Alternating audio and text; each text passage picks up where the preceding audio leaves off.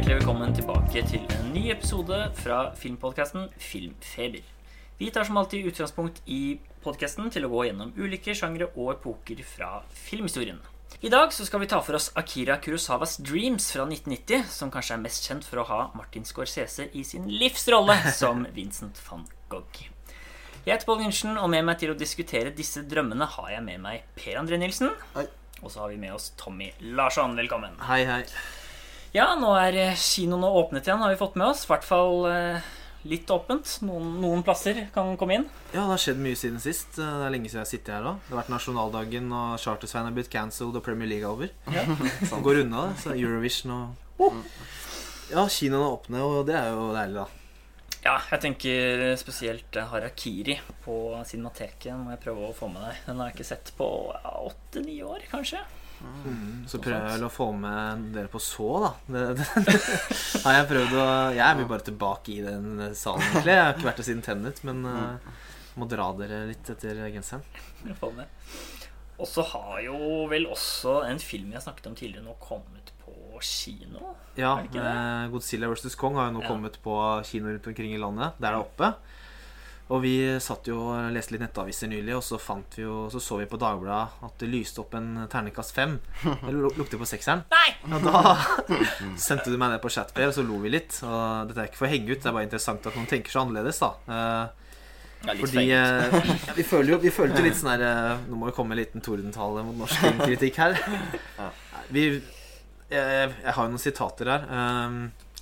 Warner Bros har med sitt såkalte Monsterverse med vekslende hell prøvd å kapitalisere på Marvels suksess med sammenvevd univers. Her når den sitt fulle potensial.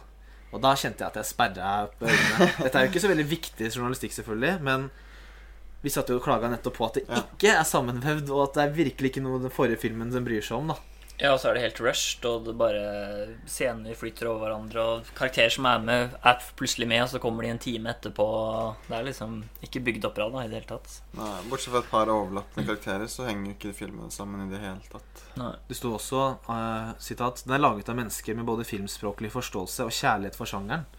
Stusser litt. Pål, Godzilla-eksperten. Ja. Er det stor kjærlighet for sjangeren i Nei, Godzilla er, ser også litt rar ut. Det er jo en, kanskje en annen kritikk, da. Men jeg syns jo liksom hvordan hele filmen er bygd opp. Det er egentlig mest det. Sånn, Slåsskampen er jo greie. Det er mer bare Ja. hvordan liksom hele universet og hvordan det går fra A til Å. Jeg syns det er rart, rart ikke anmelderne ser det, på en måte. Mm. At de ikke tar tak i det. Femmer, ja, dette er perfekt, på en måte. Jeg skjønner, jeg skjønner bare ikke. Kanskje det er er neonlysene som blenda de, kanskje. VG derimot skriver jo eh, Er du en gutt mellom 9 og 11 som har eh, løst ut din første kinobillett, så vil du ha ditt beste, livs beste kveld. Synd aldersgrensen er 12. Det kan jeg kanskje skjønne litt mer, da. For jeg, jeg digga jo Phantom Menace når jeg så den var 11 år på kino. Så de ga terningkast tre, da. Så det er litt morsomt å følge med på når anmeldelsene rulles ut nå. Litt etter at de har spilt inn og sett den. Men det er jo generelt vært positive av noen grunn, da. Det var Dagbladet Ja. som var strengest. Nei, nå sier jeg VG, mener jeg. På Ja. Aftenposten og NRK tror jeg også ga fire. Mm. Ja, nei, jeg vet ikke. Jeg vet ikke om det har, handler om, på en måte, om å appellere til den gjennomsnittlige leser. Hva er det de vil lese? på en måte Og ikke være for opphengt i liksom, de gamle filmene og sammenheng. Og, men jeg syns jo det egentlig er litt viktig, da. Mm. Ja, Så har kinoene betalt for litt ekstra reklame Nei, det, for å det, lokke er, ikke, folk tilbake. det er ikke Filmfebers offisielle Det er din eh, Det er din mening. Ja. Nei, jeg skal få sett alle nå. Jeg mangler to av de japanske. Så skal jeg komme litt eh, mer innsikt. Og så blir det vel kanskje noen episoder framover hvor vi skal ha vært på kino. og Det er jo litt ærlig. Ja. Ja. Nei, vi gleder oss veldig. Det er utrolig fin nyhet. Nå har vi venta lenge på kino. Yes. Ja, skal vi gå over til eh, sett sin sist, Tommy? Ja, jeg tenkte jeg bare skulle ta opp én ting først, som jeg noterte meg etter forrige episode. Begynner å bli en stund siden, men vi snakka om The Apartment av Billy Wilder. Og etter at vi var ferdig, så oppdaga jeg noe som jeg bare Det er kanskje en litt sånn fæl ting å henge seg opp i nå i ettertid, men jeg bare syns det var litt morsomt. Og det er rett og slett alder. For vi, vi begynte å prate om at sånn når man så litt eldre ut før i tiden og, og sånn Jeg vet ikke helt hvorfor vi begynte å sjekke det ut, men så gikk vi litt inn og så på mange av de skuespillerne i filmen. Fordi i episoden så sier jo Per at han naboen, nabolegen, 20-30 år eldre eller noe sånt, sier du. 20 i hvert fall. Han er 37 år i filmen. Så han var to år eldre, eller noe sånt? To-tre år eldre.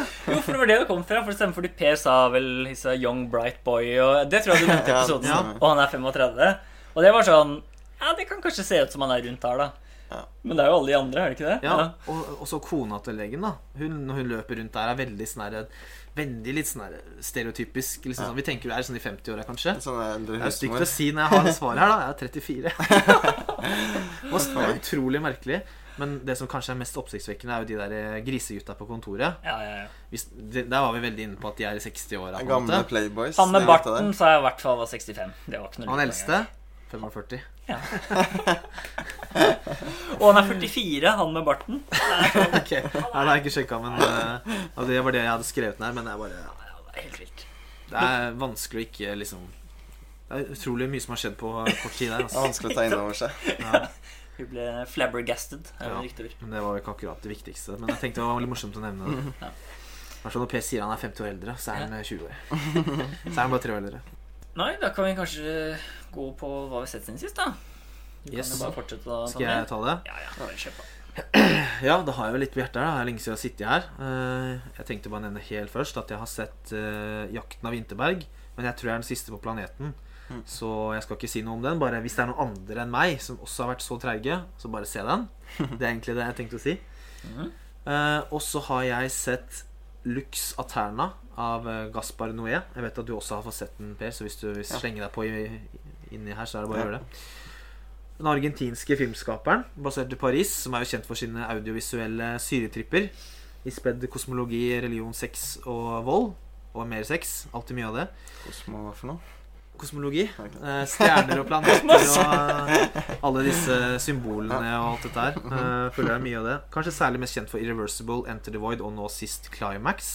Han har, har nå laget en slags split screen-mokumentar Mm. om en filminnspilling som går av skaftet. Hvor de skal spille inn en heksebrenningsscene. Uh, iført sekvenser av, eh, og sitater fra både 'Heksan' av Christensen og 'Vredens dag' av Dreyer. Og sitater fra Godard og Fassbinder. Og det er 'Overload', og det er uh, epilepsi, the Movie'. Det tar helt av. Så Han lagde vel den rette til Climax òg, var det ikke? At de var egentlig ganske nærme? Ja, den gikk her på Cannes for to Ja. år siden. Den er ganske sånn lenge som Ja. bare vært i limbo lenge, tror jeg. Sånn, Ja. Før den ble tilgjengelig. Så fikk vi en mulighet til å se den nå, og det var mildt sagt en spesiell opplevelse. Det er en sånn, eh, den er bare sånn 50 minutter, hvis jeg ikke husker helt feil. Så, men det, det holder egentlig, for den er veldig intens. Kort og intenst. Eh, Du som er glad i lange tagninger og split screen, og som Palma kjører på, eh, veldig, veldig mye av det. Ja. Jeg tar helt av. Det er så mye skriking og høylytt musikk og Ja, ble- grønn og rød lys som blinker og det, ja. Så epilepsi Rulle, passer. rulleteksten syns Ja, jeg også var noe av det beste, faktisk. Ja, blinkende epilepsifarger med rulleteksten nedover. Og det var visst noe sånn eh, ambulansepersonell som sto utenfor salen i Cannes og sånn. I Mm. tilfelle noen besvimte. Eller fikk anfall. Så det er jo. Jeg er spent på noe, noe jeg gjør videre, for han er jo, gjør noe som ingen andre er inne på. på en måte Mm. Mm. Så det var egentlig det jeg hadde å si om den. Jeg vet ikke om du vil tilføre noe i samme noe mer? Det er på en måte ikke så mye innhold. Det er mest det er style over substance, da. Ja. Så Ja. det er en, mer en opplevelse enn at du setter deg inn i en historie, egentlig. Helt klart. Ja, kort og moro. Da skal jeg bare ta litt om en annen film også. Eh, Jeg har sett eh, Zack Snyders 'Army of the Dead'. Eh, Jeg har jo blitt Snyder-mann i gjengen her. Den kom på Netflix i helga, så da tenkte jeg å være litt relevant. Ikke så lang tid etter hans fire timers cut av Justice League, så har han allerede kommet med en ny film. Zombiefilm. Eh, igjen så er den jo da litt ganske lang. To timer og 28 minutter er jo litt i lengste laget for en zombiefilm, egentlig. Ja. Men kort Mens, for han. Men det er jo da en heistfilm à la Oceans Eleven. Bare at det er Det er litt som karakterene på, fra Aliens. Sånn tøffe, macho, svære våpen og eh, sånn. Som skal ta seg inn i Las Vegas i litt sånn Carpenter Escape from New York-stil. For å hente ut flere millioner i et bankhvelv. Og Las Vegas er da selvfølgelig totalt dekket av zombier, for de er på en måte i karantene i en sånn svær bygd sånn mur rundt Las Vegas, på en måte. da Mm. Eh, Det åpner på standard Snydersk vis. Sånn kjempelang intro i slow motion, som man ser i Watchmen og Justice League og sånn. Med over the top visuell action, og mens du ser eh, karakterene maltraktere zombier, og hodet flyr og Eh, Men derfra så går det vel litt nedover. Eh, Det er ikke en dårlig film underholdningsmessig, til tross for at den er så lang. Det er ganske lite å hente på de andre områder, egentlig. Det er greit premiss, og du kjeder deg egentlig ikke. Og det er jo greit det når det er så lang. Men det er på en måte litt dårlig likevel, hvis det gir mening. Eh, jeg vil ikke slakte den à la Mulan, men, men det er noen scener i dialoger hvor du på en måte nesten slår deg i panna og kan ikke forstå at de sier, sier det omtrent. Sånn der, eh, plutselig så kommer det en sånn veldig emosjonell scene med far og datter, og veldig sånn Hva er det som skjer her nå, på en måte? Og så er det hans første film, om ikke ever, i hvert fall på lenge, som ikke er skutt på film. Han er faktisk veldig opptatt av det. Den er okay. veldig digital, og han er selv cinematographer på filmen. Det har vært veldig sånn Jeg vet ikke om det er lavbudsjett, men han har vært veldig involvert i alt. da Så den ser liksom billig ut, egentlig. Ja. Uh, det eneste som kan være morsomt å tilføye, er jo at det her er jo Han regisserte jo Dawn of the Dead remake i 2004. Det er hans ja. debut. Og dette anser han som en slags oppfølger til den, da selv om, Mm. selv om den er jo Den egentlig virker en, mer eh, seriøs enn denne, da. Enn of the Dead. Uh, Den er mer seriøs, ja. Ja. Det her er mye mer tullete. Så her er det null seriøsitet å spore. Ja. Bortsett fra når han prøver, og det En liten Ja. trist scene inni der. Så ja. Mm, det er egentlig det. Jeg var egentlig litt nysgjerrig på den, den her. Også, også litt fordi jeg bare er sulten på nye filmer, tror jeg. Det var litt det jeg tenkte også. Og så ble jeg jo skremt når jeg så lengden, da, som du nevnte. At Mm. det, Det var det, var, det, nødvendig? Ja. nødvendig? Nei, du, Jeg lurer litt på hvor tida, gikk, hvor tida gikk, fordi det skjer egentlig ikke så mye. Du føler at det burde vært mer plott her og der, og Mm. så merkelig at den er så lang, fordi det er liksom Den her føles litt tom, egentlig. Ja. Så Ja, nei, det Hvis du er gira på zombier og liker hans stil lite grann, så er det jo bare å kjøre på, men ellers så ville jeg ikke eh, anbefalt så veldig mye utover det. Ja. Neste uke kommer vi sikkert tilbake med Dagbladet-kritikk. Nei, nei da. Det, vi har ikke noe imot Dagbladet, så det Eller jo, egentlig. Yes, nei, da nå må jeg noen andre ta over før jeg sier noe jeg ikke skal si. her Ta en brus, og så får noen andre kjøre på her. Jeg kan uh, jeg slutte. fortsette? Ja. Uh, Jeg starter av med en uh, spagettivestern fra 81. Oh. 'Buddy Goes West' av eh, Michelle Lupo.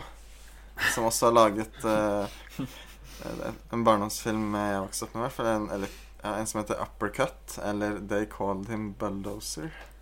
Veldig bra Det er bra titler, da. Gleder meg til å bare lene tilbake og høre på oss fortelle. italienske filmer om eh, amerikansk fotball.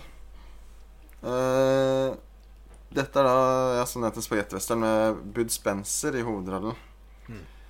Og man får egentlig ganske mye av det man kan forvente av denne type filmer. Han, han myser noe voldsomt, som alltid. Verre enn Clint Eastwood i sine westernfilmer. stemmer det. Jeg så på det der du sendte på Snap. Det var morsomme, morsomme klipp, ass. Ja, jeg sendte en del snaps av vittige Ja, scener fra filmen. Eh, Så er det masse slåssing, overdreven spising, som også er en gjenganger. Og one-liners og sånne kjappe gunslingers, da, er det mange av. Jeg vet jo egentlig at dere to har vel aldri satt dere inn i disse evig mange filmene med. Bud Spencer og Terence Hill. ah. Nei, ikke i det hele tatt.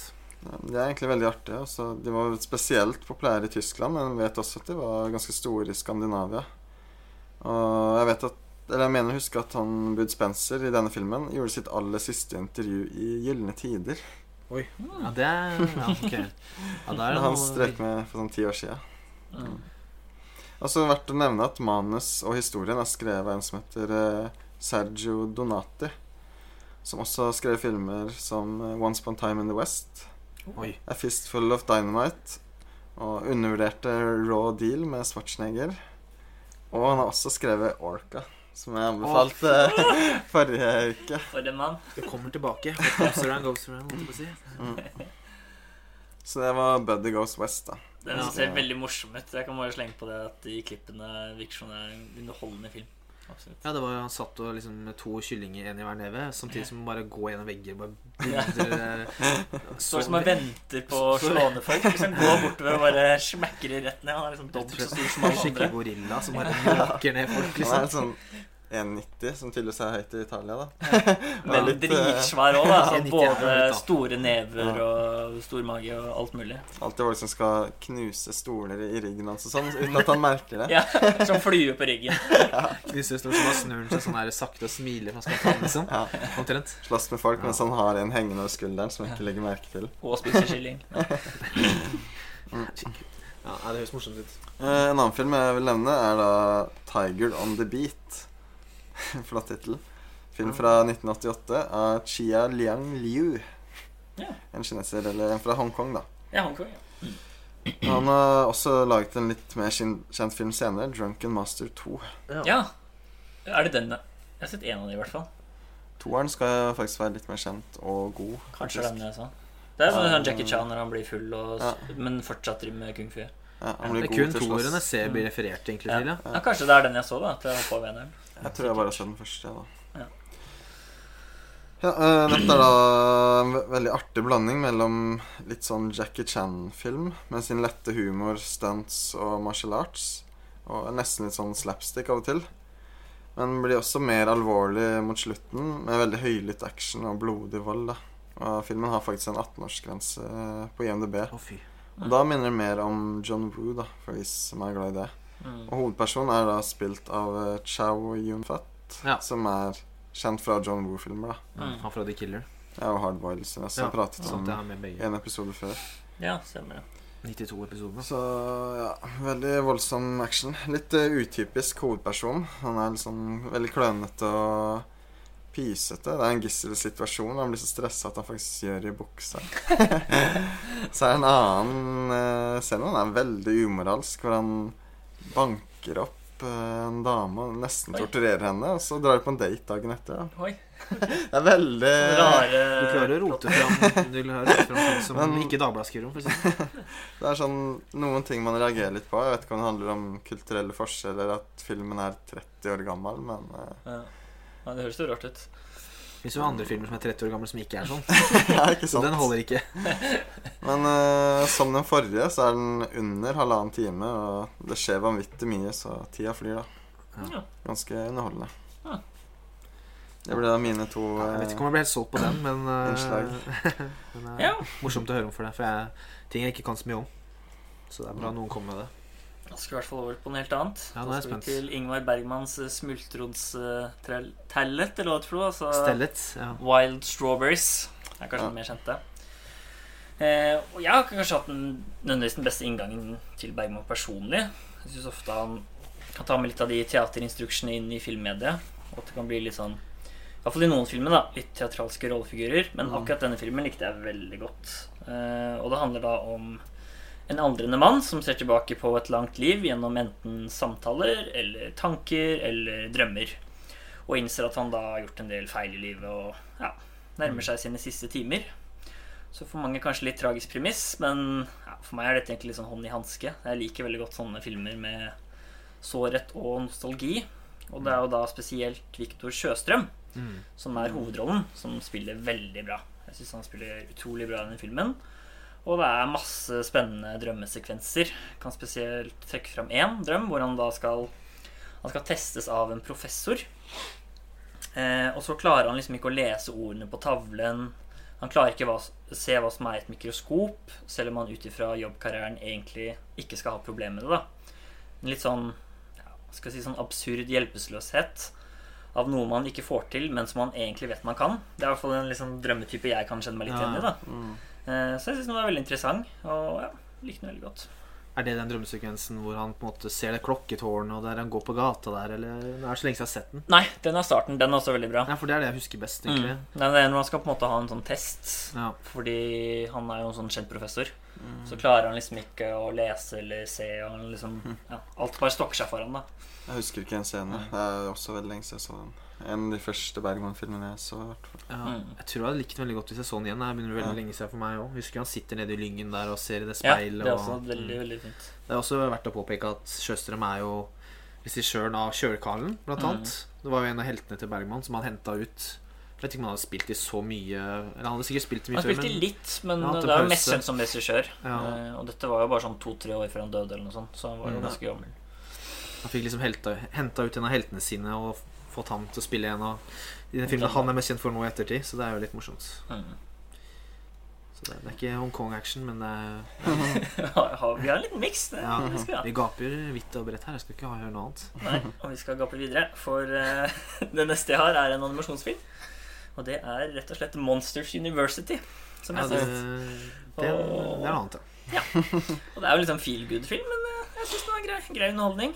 Det er, jeg syns det er blant de bedre Pixar-oppfølgerne, hvis du ser bort fra Toy Story, da, selvsagt. Så syns jeg dette var en av de bedre oppfølgerne.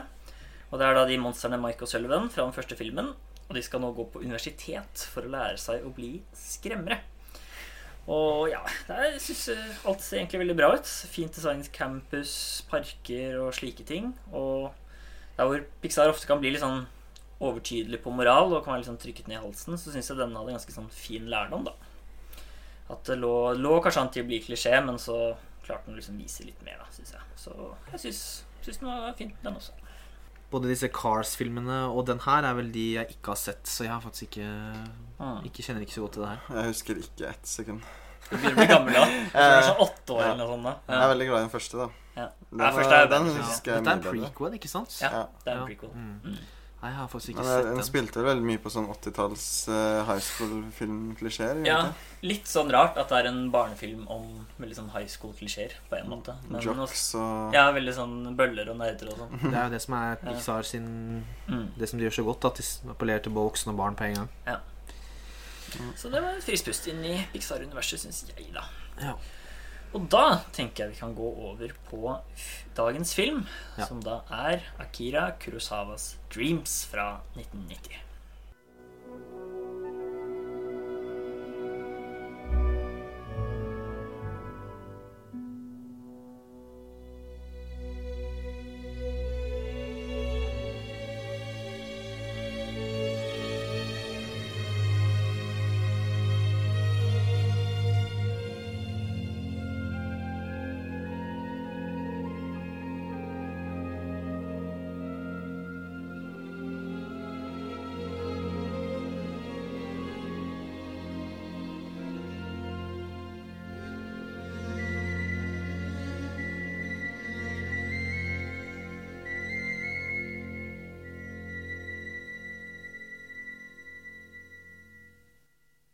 Ja, da skal vi altså ha denne filmen her, da. Og Kurosawa ja, han er jo en kjent fyr, så var på tide vi fikk litt av han. Jeg har sett et par filmer av han i hvert fall. Jeg har sett eh, Yojimbo, Rashomon, Ikuru, Syv samuraier og Kagemusha fra før av. Og jeg har likt alle, men uten tvil Syv samuraier som er mesterverket for min del, iallfall. Så må få snakket om den på en episode på Filmfeber senere, føler jeg. Ja, det må vi snakke om. Hva Ja. dere? Eh, jeg så mye av han tidlig. Uh, så så Sy samuraier da jeg var 16 og ble Ja, veldig tidlig. Ja, jeg husker vi prata om den på, uh, Og så er jeg på Space på starten av videregående, var det vel, Per. Mm. og så så jeg mye sånn Jeg mista kanskje litt interessen utover i 20-åra, men jeg har sett 11, ser jeg her da på oversikten. Og helt klart Sy samuraier som er min favoritt òg. Var veldig glad i Yojimbo først, eh, som er en veldig sånn ganske sånn enkel samuraifilm, egentlig. Men den har falt litt ved gjensyn for et par år siden, så eh, ja, nei, jeg, Han er litt sånn mellomland for meg nå. At jeg må egentlig se mange av de opp igjen. Og så vil jeg egentlig se f noen av de andre jeg ikke har sett, sånn som High and Low, som jeg vet skal være veldig bra. Og sånn, så, så jeg var, gikk veldig spent når vi bestemte oss for Dreams. Så var det litt sånn Ja, Nei, siden- både- du har sett uh, Både lenge siden sist, pluss at den er liksom så ny i forhold til de andre. da Ja. Så jeg var litt spent på hvordan det kom til å være. Mm. Jeg syns man så mye av han i filmen, faktisk. Mm. Eh, Jeg er kanskje litt mellom dere. Jeg har sett åtte filmer av den. Men jeg har faktisk kun sett uh, samuraifilmer før eh, den, den vi prater om i dag, da. Ja. Og min favoritt har da alltid vært Ran fra 1985. Ah, den har Så ikke sett. det er faktisk den nest nyeste jeg har sett, Mm. bortsett fra Dreams, da. Ja, den har jeg fått sett. Den ser jo veldig bra ut, syns Ja. jeg. Sånn hvordan i hvert fall det er satt opp med statister og alt dette her. Ja, Veldig sånn storslagen, episk eh, krigsfilm, da. Mm. Og man ser jo litt sånn Alle de gamle filmene hans er jo naturligvis Eller ikke naturligvis, for det var jo for så vidt farger mye på 50- og 60-tallet, men alt er liksom kjent for veldig svart-hvitt og svarttoner, og at han er god på det. Og så tar han en helomvending på ja, ganske seint, vel I hvert fall ikke før 70-tallet, hvis jeg ikke tar helt feil. Og så er liksom fargene så sterke, da både Iran, Kagemusha og Dreams, i hvert fall. Mm. Og så av det jeg kan se, da. Så, han, så det er litt av den Du ser det går litt videre i Dreams, da det han holdt på med Mm. Iran og sånn. Ja, Det husker jeg veldig fra Kagemusha, at det var veldig mange forskjellige sterke farger. Mm. Nei, da kan vi kanskje begynne. Og det er jo da, ja, som vi så vidt nevnte, blant de siste. 1990. Da var han jo blitt 80 år gammel. Og det handler da enkelt og greit om åtte drømmer som Kurosawa har hatt gjennom livet. Eh, Det er en, da, en del av de hvor han er barn, og en del hvor han er voksen. Da spilt av samme skuespiller, Akira Terao. Men det jeg ble litt overrasket over, var at det var ingen som gammel, faktisk. Kunne Nei. nesten tro at han var sånn gammel mann med en drøm, men det er altså sånn han har tidligere i livet, da. Som han også nevnt har kommet tilbake til han. At det er flere sånne returning dreams, da. Jeg tenkte egentlig ikke så konkret på den engang. Jeg, måte jeg tenkte ikke så mye på han i drømmene engang. Ja, for det er jo han hver gang. Ja, ok. Ja. Jeg ser- jeg får ikke med meg så mye. Han bruker en sånn eh, liten varemerkehatt. Mm. Som vi ofte ser behind the scenes og sånn. Så en liten Mm. fiskercap. Ja, den lille blå Ja. hatten. Mm. Så den er jo i flere av eh, drømmene. da Jeg har merket at det gikk igjen flere av skuespillerne, i hvert fall. Da, så da tenkte jeg at Mm. det skal representere han. Men Ja. eh, Det er vel han samme barnet i de to første, og så er det han Terao i de ja, siste. Det er på en måte åtte, kortfilmer, da, på en Ja. måte, kan man jo si. Det første jeg vil bare si, er at uh, du ser det står eh, 'Presented by Spielberg Amblin Entertainment'. Mm. Mm. Da ble jeg litt sånn Oi, jeg ante ikke at eh, det var noe vestlig innblanding her i det hele tatt. Mm. Og da klør det deg jo greit i huet, for det står, neste som står, er jo 'Starring Martin Scorsese'. Ja, da ble jeg jeg nevnte sånn introen. Han Ja. var også med. Og da, I tillegg så var det vel noe effects by George Lucas. så- kom Ja, Lucas Film, Lucasfilm. Så Han helt av. det var litt av en start der du får så mye kjente navn slengt i fleisen. Nei, jeg kjenner ikke så godt historien om Kurosawa, men et eller annet må jo ha skjedd, da, for jeg hørte at eh, det var ingen i Japan som ville produsere denne. Mm. Det var derfor den endte opp i USA. Ok. Det er ikke godt Nei, det skal jeg gjerne Eh, svare Du skulle googla. Få, få regissører som har høyere status enn han i Japan. Ja. Så Ja, for han hadde jo en ganske nedgang på sånn midten av 60- og og 70, hvor han ikke hadde så populære filmer. Men de vi nevnte, Kagemusha og Ran, gikk jo veldig bra. Mm. Så da fikk han jo en slags sånn oppreisning igjen i karrieren. da Og den filmen her tjente jo null penger nå omtrent også, som vi Mm. snakka om før vi begynte å spille inn. Ja, Gikk dårlig på box office. dessverre. Så de, japanerne var inne på noe, egentlig. Skulle ikke finansiert det. Nei da, det var stygt sagt, men uh, Yes. Nei, da kan vi kanskje starte. Vi går vel litt gjennom sånn som eh, Paisan-filmen som vi hadde på um, trilogien War- til Rosalino. Trilogy, ja. ja, Mm. for de som har hørt den. Så vi tar én og én episode, tenker jeg. Eller én og en drøm, da. Eh, og den første er jo da 'Sunshine Through the Rain'. Og Her er han da en ung gutt. Det er på sitt yngste. Og han blir bedt av moren sin om å holde seg hjemme fordi kitsune, altså noen sånne japanske rever, har bryllup i skogen. Og det er jo da mennesker med disse her kjente japanske kitsune-revemaskene da, som går Mm. bortover. Eh, og de, burde da, de ville da ikke bli sett. Eh, han må liksom ikke bli sett av de, da. Moren sier sånn 'Rever hater hvis du ser bryllupet deres'. Ja. Det, følte, det følte jeg var veldig sånn Ghibli-aktig Ja. eh, Mm. setning. Men det første jeg la merke til, var bildet. Jeg så Criterion-utgaven, og jeg bare Å, det var så skarpt, og lyden var så bra, og det regnet i starten der, når de står utafor Ja. huset, det var det første jeg tenkte på. At det var liksom så pent, da. Og den drømmeskogen, som jeg regner med var litt med vilje, at det var litt sånn studiofølelse i skogen, på en måte. Ja. Litt sånn vanvittig store trær som glinser i tåka. Og liksom sånn rolig, tradisjonell japansk musikk som setter stemningen. da jeg fikk også minne meg veldig om Ghibli. Flere Mm. av scenene, både kostymer og sluttscenen og hvordan- ting så ut. da Mm. Veldig sånn eh, eventyr, eh, vakkert eh, Hva skal jeg si scenario. Mm. Ja, det derre følget som kommer gående. Mm. Når han gutten Han klarer jo ikke å la være å løpe litt ut, og så kommer det sånt følge, eller hva man skal kalle det. Eller bryllups... Uh, mye sånn røyk rundt dem, og ikke noe, ikke noe skjul på at dette er en drøm, på en måte. Veldig sånn drømmete uh, vist fram. Ganske stemningsfull, egentlig. Ja. Veldig fengslende, syns jeg. Uh, og den klarer å fange litt av sånn stemning og skyldfølelse da, til han gutten, fordi han blir jo sett, og det er liksom litt fokus med det også etterpå med moren. At han må liksom gå ut i skogen og be om unnskyldning, hvis ikke så Ja, må han drepe seg selv. Og det er ganske sånn drøy, grov eh, overgang. Og det er ofte sånn i drømmer at ting blir litt overforsterket, sikkert, så det handler kanskje litt om sånn skyldfølelse, vil jeg tro. Han får jo et sverd som en rev skal ha lagt igjen, og blir Mhm. bedt om å begå harakiri eller seppuku. Og moren anbefaler å be om tilgivelse, men at de sjelden tilgir. Mm. Og at han må forberede seg på å dø for det han har gjort. Mm. Ja, moren har null sympati. Ja. Hun er heller ikke noe lei seg over at det, det, Mm. Hvis du skulle visst, visst bedre, gutten min. Her har du en kniv. Ta livet ditt. Ja. Så det var jo litt spesielt, da. Ja. Jeg fikk veldig eh, en ting jeg må bare si før vi går videre. Det der, Idet det følget kommer forbi, og han står liksom bak trærne, så tenkte jeg veldig på den scenen i Shihiro og heksene eller Spirited Away, når de går over brua med å holde pusten. Mm. At det er veldig sånn liksom rare figurer som går Ja. forbi, og du merker at det er et miljø som ikke de er vant til. At det er noe feil. Det er noe som Mm. Det passer jo veldig godt, da, siden det er drøm, tenker jeg. da Mm. Så uten, uten at jeg kan så mye mer om den, de mytene eller folkloristikken som framvises her. Mm. Mm, ikke at, Jeg har ikke prata så mye om den, men jeg må innrømme at dette kanskje var min favoritt, faktisk. Ja. Ja. Eh, Jeg tror i hvert fall topp tre. Topp tre. tror jeg. jeg må også tilføye at eh, det var den eneste hvor jeg syns det var litt sånn nedtur når det slutta. At Mm. her hadde jeg et veldig sterkt ønske om å se videre på Ja. reisen til eh, lille Kurosawa når han, Går ut for å se når han kom seg til det svære landskapet som så så imponerende ut. da For det syns jeg var interessant. Fordi han må jo liksom han, Etter han får sverdet, så går han jo ut. Så klipper det til at han kommer til sånn svær sånn fjell og daler, Mm. svær regnbue. Og så bare slutter det plutselig. Mm. Da var jeg veldig sånn Oi, det var litt kult at det slutta nå, men jeg vil gjerne se mer òg. Men jeg likte at det var litt åpen slutt på én måte også. Kanskje rart egentlig at det var den første, men det er jo fordi det var den man drømte først. Ja, det er liksom drømmeaktig, og det at man ikke husker hvordan ting starter og slutter. Mm. eh, nødvendigvis Men uh...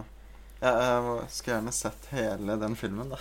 Ja. Jeg synes, men det er som du sier, jeg fikk drømmekvaliteten fram ved at det stopper der. Ja. Mm. Så det første jeg tenkte, var at det var litt kult at det ikke var sånn tradisjonell slutt òg. Sånn, det bare Mm. stopper, på en måte. Men eh, har kanskje noe med budsjett å gjøre òg. Det så litt dyrt ut når han kommer til den eh, regnbuen og der, ja, Så var det ikke mer penger i krona til Spielberg. Han skulle veldig- lage Jurassic Park. Veldig sånn fargerik blomstring også. Ja. Mm. Nei, jeg likte den godt, jeg òg. Den var litt sånn litt fæl. Litt sånn nådeløs historie, på en måte. Ikke så mye kjærlighet og sympati å hente i den på, fra noen, på en måte. Mm. Kald. Ja, det- gjelder kanskje mange av de, egentlig. At de er kalde eller ja, dystre. Ja. Men samtidig så hadde denne veldig vakkert univers, da. Ja, Mm. det er sant. Det er en av de som så veldig fin ut. Vakkert, men liksom hardt, da. Egentlig litt som naturen her, på en måte. Ja. I seg selv. Mm. Mm. Nei, skal vi gå på neste, kanskje? Ja. The Peach Orchard. Mm. Orchard. Mm. Noen som har lyst til å ta den? Det er jo en eh, Vi starter jo inn i et eh, hus. Det er en gutt som løper litt rundt der. Det er veldig sånn fint lyssatt med sånn uh, ikebana-blomst i bakgrunnen. Og uh, han går inn i et rom hvor det sitter uh, noen jenter. Og så begynner han å kommentere på at var det ikke uh, Her var det færre enn det var i stad, Mm. og det, drømmegreiene kicker inn allerede der. Da, sånn, og liksom Her er det noe som skurrer. Ja. Så ser han på en sånn tempel-shrine, eller hva jeg skal kalle det. Og, eh, og søstera hans er liksom uenig. Da. Nei, det er ikke noe, her er ikke noe feil. Her er noe liksom som det er i drømmer, at man liksom ikke kommer noen vei. Mm. Og så løper han jo litt rundt i huset, og så er det jo en, ser han jo denne personen han mener satt der tidligere, forsvinner ut, og han løper etter henne. Løper ut i sånn bambusjungel, hvis man kan kalle det det. Og det syns jeg var veldig fint, når de kom til den jungelen først Mm. løper gjennom, og så kommer de mer til en sånn eh, ås etterpå, da. Veldig sånn drømmeaktig fra starten der. Da dukker plutselig opp disse oppkledde folka, da. Ser ut som de dukkene som man ser på tidligere i eh, tempelet inne i huset der. Så det er japansk folklore, da, Pål. Ja, ritualdanser og Ja. sjo hei. Så ta, take it away. Nei, det, jeg kan egentlig ikke ha talt så mye om det, men det er jo veldig fint kostyme og farger og bra plassert i totalbildet, sånn Ja, veldig- etasjevis. Eh, og gutten spiller jo veldig bra, syns jeg. To ganger han klarer å gråte og virke trist, så det er troverdig. Sånn, Mm. Det er jo ikke alltid barneskuespillere Mm. klarer det. Men jeg ble kanskje ikke så engasjert i den triste historien her, må jeg si. Det er jo kanskje ikke så mye, mye mening heller, siden det er en drøm, at det ikke trenger så mye mening, men den jeg klarte liksom ikke helt å bli sånn investert i følelsene til den lille gutten akkurat i den her. Det var litt vanskelig å identifisere seg i det at de reagerer liksom på at han ikke har eh, på, på at de har fjernet ferskentrær i Ja. hagen, og det var Ja. sånn disrespectful. Ja. Eh, men det jeg satt mest igjen med, var dette totalbildet hvor det er sånn svær gressbakke, og det står Ja. mange linjer med sikkert altså, i hvert fall 50 mennesker som står i bildet på en gang. Da. Mm. Ja, jeg må jo liksom innrømme omtrent at eh, det har gått allerede et par uker siden jeg så den. Og jeg har veldig klare bilder av denne skråningen og disse folkene i kostymer og kjoler. Mm. Men historien er nesten helt glemt allerede. Den uh, Det seg ikke så bra hos meg. Nei, Det som skjer er det at skal jeg de- minst. De begynner å opptre, er jo det som skjer, og så svever kameraet litt sånn rundt. At de spiller en slags konsert mens de danser, hvis man kan si det sånn. Ja. Og så gjør dansen at trærne får tilbake blomstene sine. Men på Stemmer. slutten, når de er ferdig, så forsvinner alt igjen. Og gutten bare står der, og så er det ferdig. Så det er veldig sånn, veldig sånn kald og tung slutt igjen. Sånn Ja. der, eh, jeg, ja, jeg er jo ikke noen ekspert på å tolke det, men det er liksom sånn Det virker som det skal gå bra, og så stopper det opp. Og så er historien ferdig. Den er ganske Mm. kort, den her òg. Kanskje litt lenger enn den forrige, for den bruker ganske lang tid på den konserten, eller hva jeg skal kalle Ja, det. man går til de og til de begynner, for de prater litt med ham først og sånn. Ja. Så det er jo ganske mye tid rundt det. Og så Mm. etterpå går han til det siste treet som lever, og så begynner han å gråte der også. Ja, det gråter. Mm. Ja. Så ikke min favoritt heller. Det er nok en av de svakere. Skal jeg ta neste, da, kanskje? Ja. Eh, historie nummer tre, eller drøm nummer tre, heter da The Blizzard. Og da følger man fire fjellklatrere som har gått seg litt bort i en snøstorm. Og de begynner da å gi opp én etter én, før lederen møter på noe som blir kalt en Yuki Onna. Mm. Som er en kvinneskikkelse fra japanske folkeeventyr. Mm. Og hun prøver da å overtale han også til å gi etter og dø, Mm. da. Mm. Her begynte jeg å tenke på Kwaidan, Kobayashi. Og Ja. særlig den overgangen fra den blomstringa. Så plutselig kutter vi inn i det verste iskalde, forferdelige blizzarden der. Og det er bare sånn, jeg tror det er sju minutter eller noe hvor du bare går rundt. Eh, Kanskje, ganske- Jeg kjente litt på tempoet i den, det faktisk. tok ganske lang tid. eh, Du, forklar, du forklarte jo som det skjedde fort nå, men det er veldig sånn at de, de kjemper rundt der i snøen i fryktelig lenge. Veldig sånn taktilt. da Det klirrer i hakkegreiene deres og Mm. utstyret de har, og de puster og peser sånn veldig høy lyd. Sånn der Vinden uler skikkelig, og det er veldig sånn der tungt jobb, liksom. Det synes jeg-. Så begynner de å prate litt etter hvert og krangle, men det er veldig bare Nei, ikke, hva er klokka? Og jeg vet ikke hvor de er. Og, og så kommer det der eh, ånden, da. Så det tok liksom tid før det skjer. Og jeg syns det minnet meg litt om sånn eh, Jeg tror det er litt sånn tanker rundt søvnparalyse. Mm. Det er med at du ligger og er klar, men du klarer ikke å bevege kroppen. Og så er det noe som lener deg over deg. Veldig sånn marerittaktig, da. Ja, Og han prøver virkelig å kjempe imot, så Og selv om de er i liksom dritsvære landskap, så var han veldig klaustrofobisk. Fordi ja. snøen er liksom så tett at du ser ikke lenger enn en meter omtrent. Og Bare snø og tåke. Og... ja, hun er så ekkel hun der kjente japanske heksedama med sånn kritthvitt ansikt og langt, svart hår. Hun dama sier jo til og med at ja. liksom, eh, isen ligger som et pledd over deg. Så det passer Mm. egentlig ganske bra med det du sier med søvnen, at du ligger Ja. under dyna, liksom. Mm. Og så likte jeg at alt blir liksom stille når hun kom. Det var veldig sånn Det er liksom åpenbart at det var en un overnaturlig som skjedde. Ja. Er sånn, hun er en slags Nå har ikke jeg lest noe om dette, men hun er en sånn slags personifisering av døden, eller en som lokker de døde. Det er jo så enkelt som det, vil jeg tro. Ja, hun er veldig mye med i sånne folkehistorier og sånn fra Ja. Japan. Hun er jo blitt mer kjent nå. Hun gikk oss med sånn, liksom mot The Ring, og alle de bygger Ja, ja. på henne, liksom. Ja. Ja, samme, ja. Hun eh, skumle dama. Og så er det jo litt morsomt da når eh, han viser seg at campen er fem meter Ja, unna. ja. Nesten en litt sånn koselig slutt for en gangs skyld, selv om det er jo egentlig ikke koselig. Men det er bare sånn Han klarer jo faktisk å stå imot, da.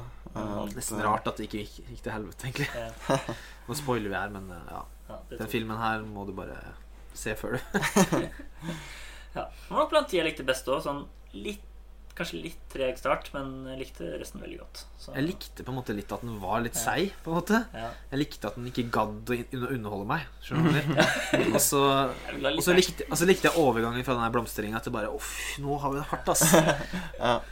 Den der pesinga og det Og så hadde det vært to filmer med dansing, så var det greit med litt sånn eh, Ja.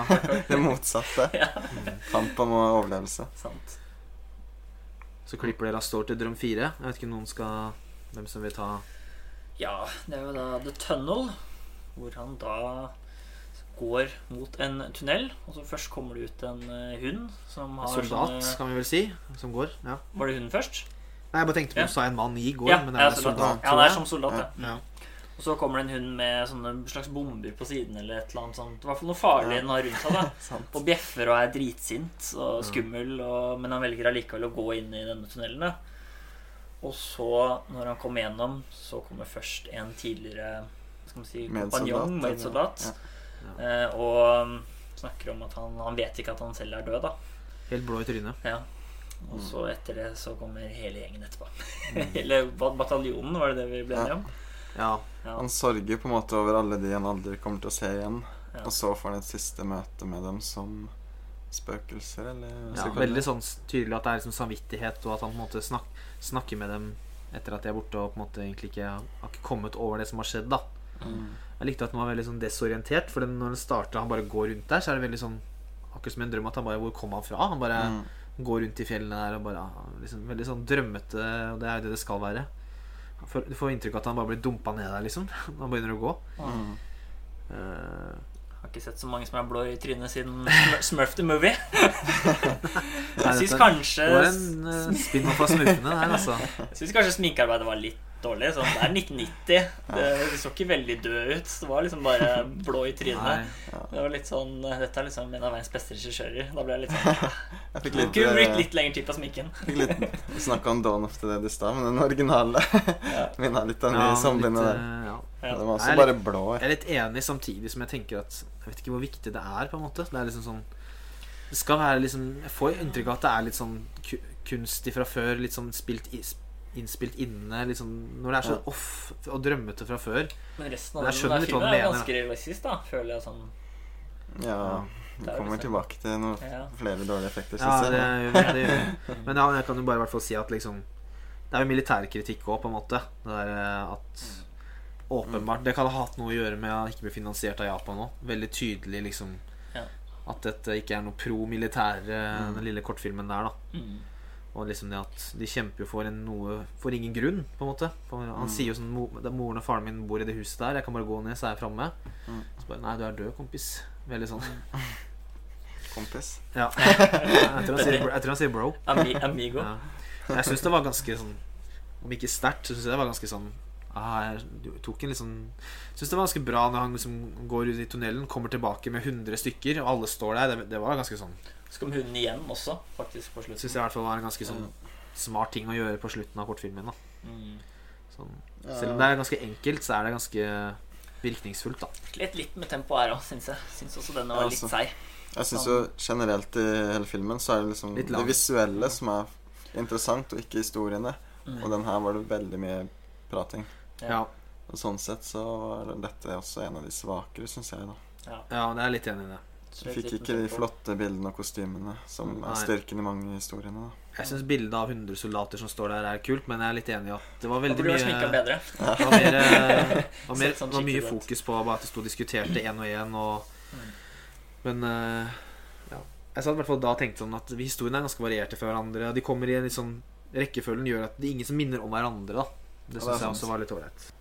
Da kan vi gå til neste. Ja, Kraus. Ja. Eh, da er det noe helt annet igjen. Det er bare et eh, Starter med et nærbilde av et maleri av van Gogh. Det er det første man ser. Et selvportrett, tror jeg det var det første. Noe jeg aldri trodde jeg skulle se en Kurosawa-film. Så er det en ung mann som går rundt i galleriet egentlig og ser på mange av de kjente bildene hans. Og så, på litt magisk realismeaktig vis, ramler han inn i et av bildene. Nesten litt jeg skal ikke si Stygt å si det, men liksom barne-TV-aktig. Og så ramler han inn og rett og slett havner inn i van Goghs verden, da, kunstverkene hans. Og det er vanskelig ikke nevne Martin Scorsese, som vi har snakka om, da som rett og slett spiller van Gogh. da Rart å høre stemmen hans inni her. For alle De snakker jo fransk sammen, men ikke han. Han snakker engelsk. American. Veldig sånn New Yorker. Ja. Snappy. Veldig sånn sminka rundt øynene til å få det der Skal minne om sånn som man ser ut i maleriene til uh, Ja. Vincent. da Og det ser veldig malt ut, det skjegget hans. Ja. Det ser Veldig ikke rar ut. det er, ikke, det er på en måte ikke effektene som liksom Nei, jeg vet ikke Vi har vært inne på flere ganger nå. Er det på en måte Er det med vilje, eller så er det Ja. Eller? Det var jo veldig bra det aller første, da når han først kom inn. Så så det jo veldig fint ut når de skuespillerne satt ved elven og den Ja, toget gikk over. Ja. Det så veldig, veldig fint ut. Ja. Eh, Også senere òg, når han løper etter Scorsese, og det endrer seg veldig. Plutselig er han i skisseverden, og så er han i en mer annen verden. Ja, med malerisk og ja. ja. Men det var litt sånn Det så også litt datert ut når han løp rundt i de maleriene, syns jeg òg, egentlig. Som var litt sånn ja, Faen, dere er kritiske, ass. ja. Slakte Kurosawa. Jeg får gå tilbake til den de fuglene, fløy rundt. Ja, det var sånn The. Bird-scene også. Ja. Ja, Litt gammel 1990. Men det er kanskje, er, kanskje det er meningen at det skal være sånn artsy. Vet ikke. Jeg syns det var litt sånn Alice in Wonderland. Når han gikk rundt der, så tenkte jeg bare at, at filmen var oppfinnsom. da At det var så mye forskjellig. Jeg var ganske fornøyd på det tidspunktet. egentlig Jo, jeg mye også Jeg tenkte var bare det her Jeg visste ikke hva slags film dette var i det hele tatt. Jeg tenkte det kunne være, kom til å være, drit, kunne være dritkjedelig for alt Ja. jeg tenkte. Men jeg syns jo tida gikk fort, og jeg kjeder Ja. meg ikke et sekund, liksom. Jeg er ganske sikker på at det er denne sekvensen som er den mest kjente også. Hele Ja. drømmen. For den hadde jeg sett masse stillbilder av før. Ja, Jeg hadde faktisk ikke jeg, altså. Ja, jo, av de maleriene. Ja. Mm. Så Mm. Så er det, jo- men når han går rundt i liksom, noen av det skisseverdenen, så syns jeg det var ganske sånn det, Dette kunne sett mer datert ut, tenkte jeg. da Ja. At Lucas hadde gjort jobben der. Men uh, Ja, kanskje det var helt ålreit. Ja, jeg reagerte ikke spesielt på at Ja. dette var dårlig, på en måte. Jeg tenkte mer at det var kreativt. Det var det første jeg tenkte. i hvert fall. Ja. Mm. Det er jo litt morsom drøm òg, da. Sånn at han er stuck i malerier og løper rundt i sånne kjente, Siste, kjente bilder. siste som skjer, er at han ikke får tak i Man skulle ikke si Scorsese, men ikke få tak i van Gogh, og så bare kommer det masse kråker over hele skjermen, og så bare Ja. ramler han ut, og så er det ferdig. Ja. Også en litt sånn kald slutt. Tilbake i museet, egentlig. Ja, han ramler ja, tilbake i museet. Han Går ut av bildet til slutt. Merkelig. Den er vanskeligere å analysere. Hva, hva betyr det? Det er, det er et eller annet sånt Han var jo veldig sånn søkende da når han snakket med Scorsese. Og hva skal jeg gjøre? Mm. Han sa vel noe bare sånn der Ja, du må bare male mer, og du har dårlig tid, og du må bare se solnedgangen der, begynne å male. Jeg har ikke liksom. tid til å prate med deg. Jeg Du skal være veldig aktiv, jeg har masse jeg må gjøre. Og, Ja. eh, så det var kanskje noe sånn med tidspress eller noe, kanskje? Ja, nei, Sitter og er filosoferer her. Ja. Er ikke sikkert det er så mye mening heller. Nei. Yes. Ma Skal vi gå videre? Fuji and red, Per. Ja, drøm 6. Ja. Uh, tja Det er en av de med en av de mest spennende, men også en av de med minst plott, kanskje. Den korteste, i hvert fall. Veldig, Klart veldig kort også. Veldig kort i forhold til andre. Man er i hvert fall i Tokyo, regner jeg med. Og så ser man eh, en sånn flammehimmel bak Mount Fuji. Mm. Og det er da et eh, stort atomkraftverk som har smeltet. Ja. Og det er litt sånn apokalypse-tilværelse. Folk løper rundt og skriker, og alt sprenger, og gasser som slippes ut, og folk dør av kreft, og det ene og det andre. Mm. Det er Dette er- bare død og elendighet. Det filmen her forutser den Fukushima-ulykken i 2011, Mm. virker det som. Ja.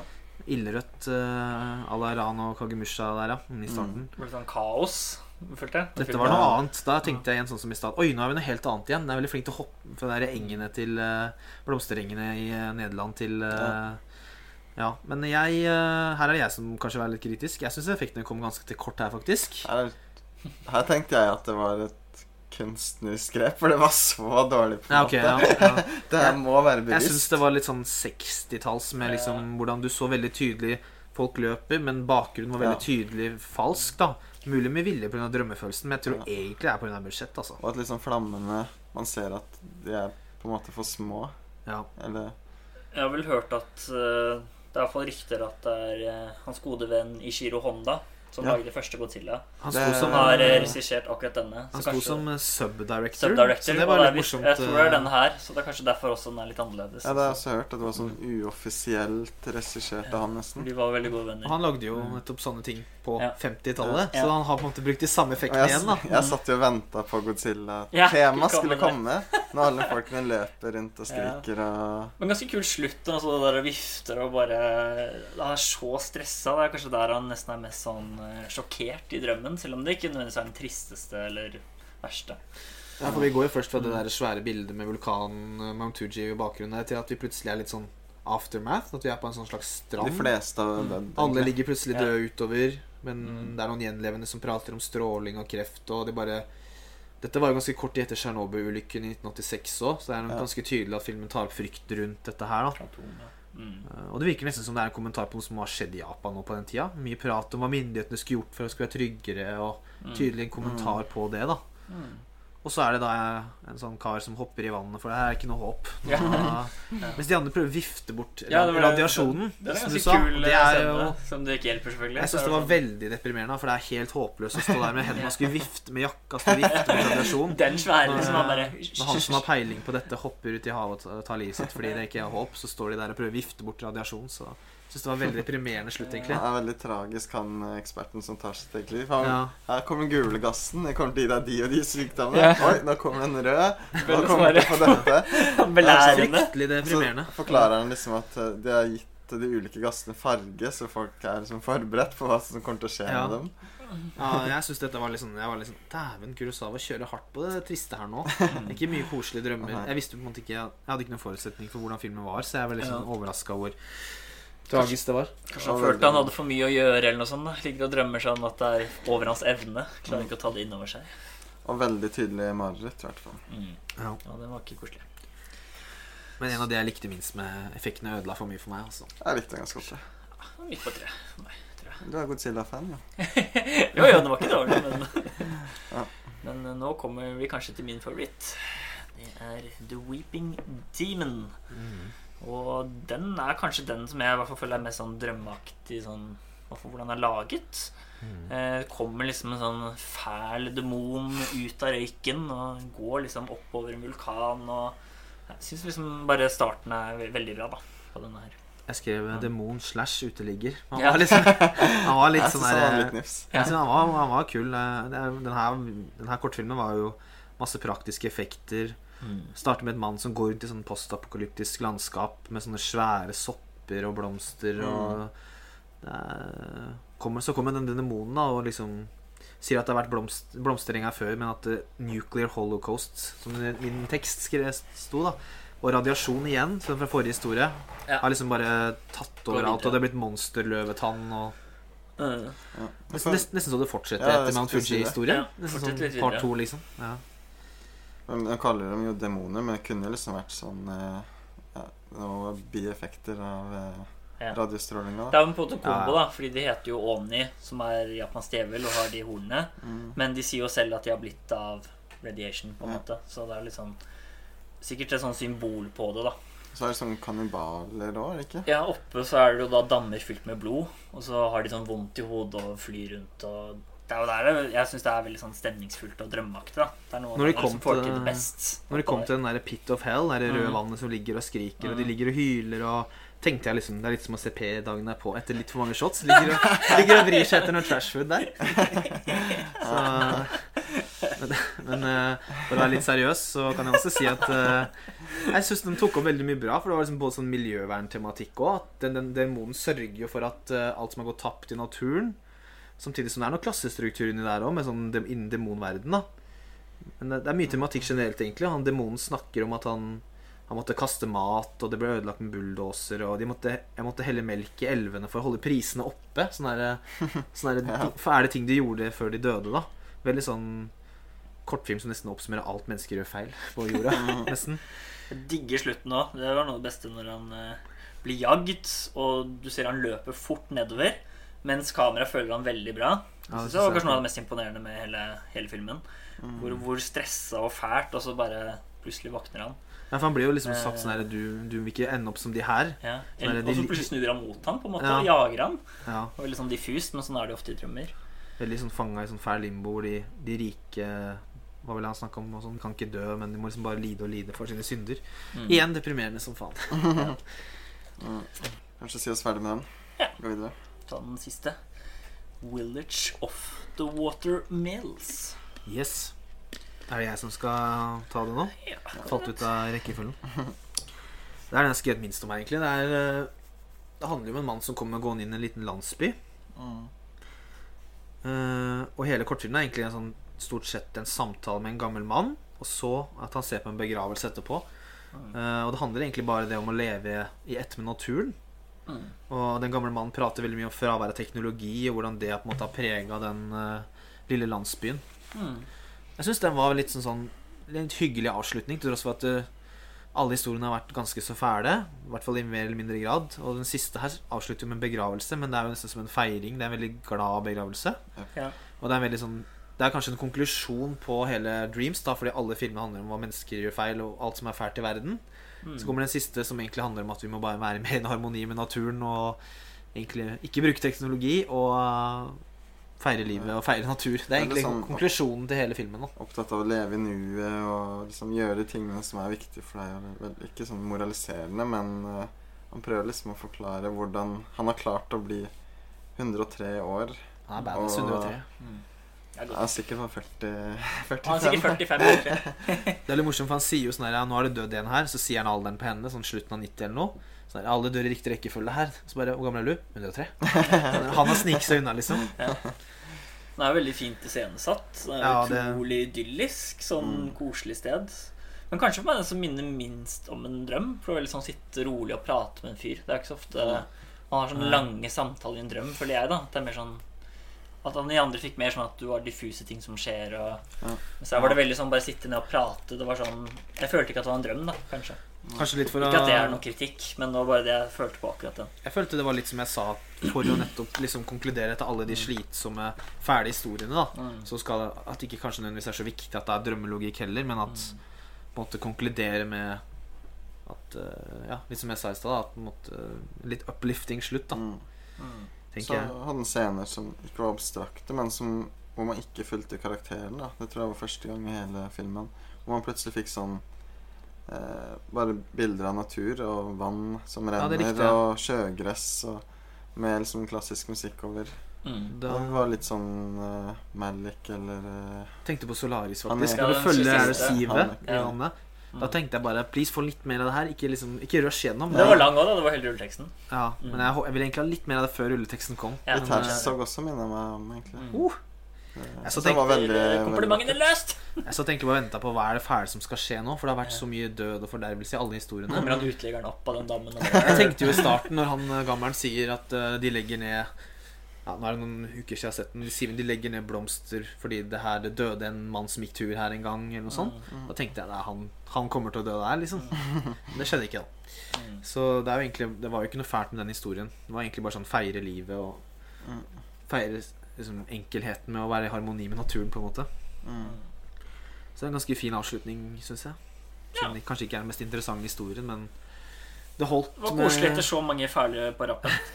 etter demoner som flyr etter deg nedover fjellskrenten. Ja, Så er det altså, greit å få litt uh, watermills og uh, liljeblomster og ja. Jeg vet ikke. Er dere fornøyde med filmen? Jeg vet ikke. Jeg trodde Den var veldig annerledes enn jeg hadde trodd. da eh, Jeg syns ofte det var litt lite sånn drøm, drømmete og lange samtaler. Sånn at noen av de slet i hvert fall litt med tempoproblemet for min del. da At Jeg kunne synes det var litt lange hvor det ikke skjedde så mye. Men jeg Ja. syns jo den var veldig fint laget ofte, da med de unntakene vi nevnte. Så ja, jeg syns vel den var, var god film sånn overall. Hva med deg, Per? jeg, jeg likte den, men det er kanskje den minst interessante jeg har sett av Kurosawa så langt, syns jeg. Ja, det syns Eller- ikke jeg. Eller kanskje interessant er kanskje feil valg, men ordvalg, men uh, rett og slett ikke nok meddrivende. Jeg syns også flere av dem, til tross for å være sånn rundt ti minutter, føles for lange. Det var litt ofte at det var bare sånn at det var veldig langt Noe sånn stille prating midt inni Mm. en ganske spennende. Sånn selv den jeg likte mest, da. Så er det sånn syv-åtte minutter hvor de sitter og prater midt inni drømmen, hvor det bare er ett kamera på. Mm.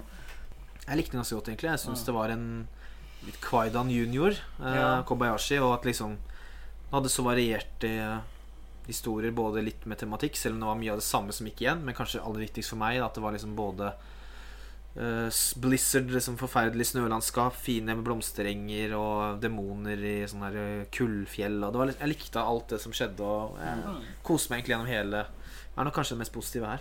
Mm. Helt klart. Jeg hadde gitt den uh, samme karakter som Dagbladet ga til Kong versus. Terningkast 5, liksom. Eh, ikke noe topp 100-material, men ikke så himla langt utafor for meg, faktisk. Oi. Ja, ok.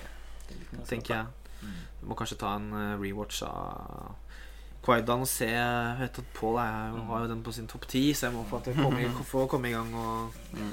Er. Begynner å bli noen år siden jeg så den på sin Manuf nå. Nei, det var eh, kanskje den vi, det vi hadde å si om den i dag. Ja. Mhm. Da blir det altså neste episode skal vi gå tilbake til et format vi har hatt før. Ja. Det er da topp tre. Og filmåret blir 1980. Så da kan dere eventuelt, hvis dere vil se noen filmer fra det året Vi har gjort det før, ja, som sier. Hver vår, mm. vår topp tre blir det, da. Mm. Og så tok vi tok en sånn uh, randomizer. Mm. Skrev inn et uh. Skrev inn noen år, trykka random. Det ble 1980. Da, da ble det det. Da ble det. Så, vi. Så ellers så kan dere følge oss på Instagram hvis dere vil det. Filmfeber. Så ses vi igjen til neste episode. Ha det bra, alle sammen. Ha det godt. Ha det.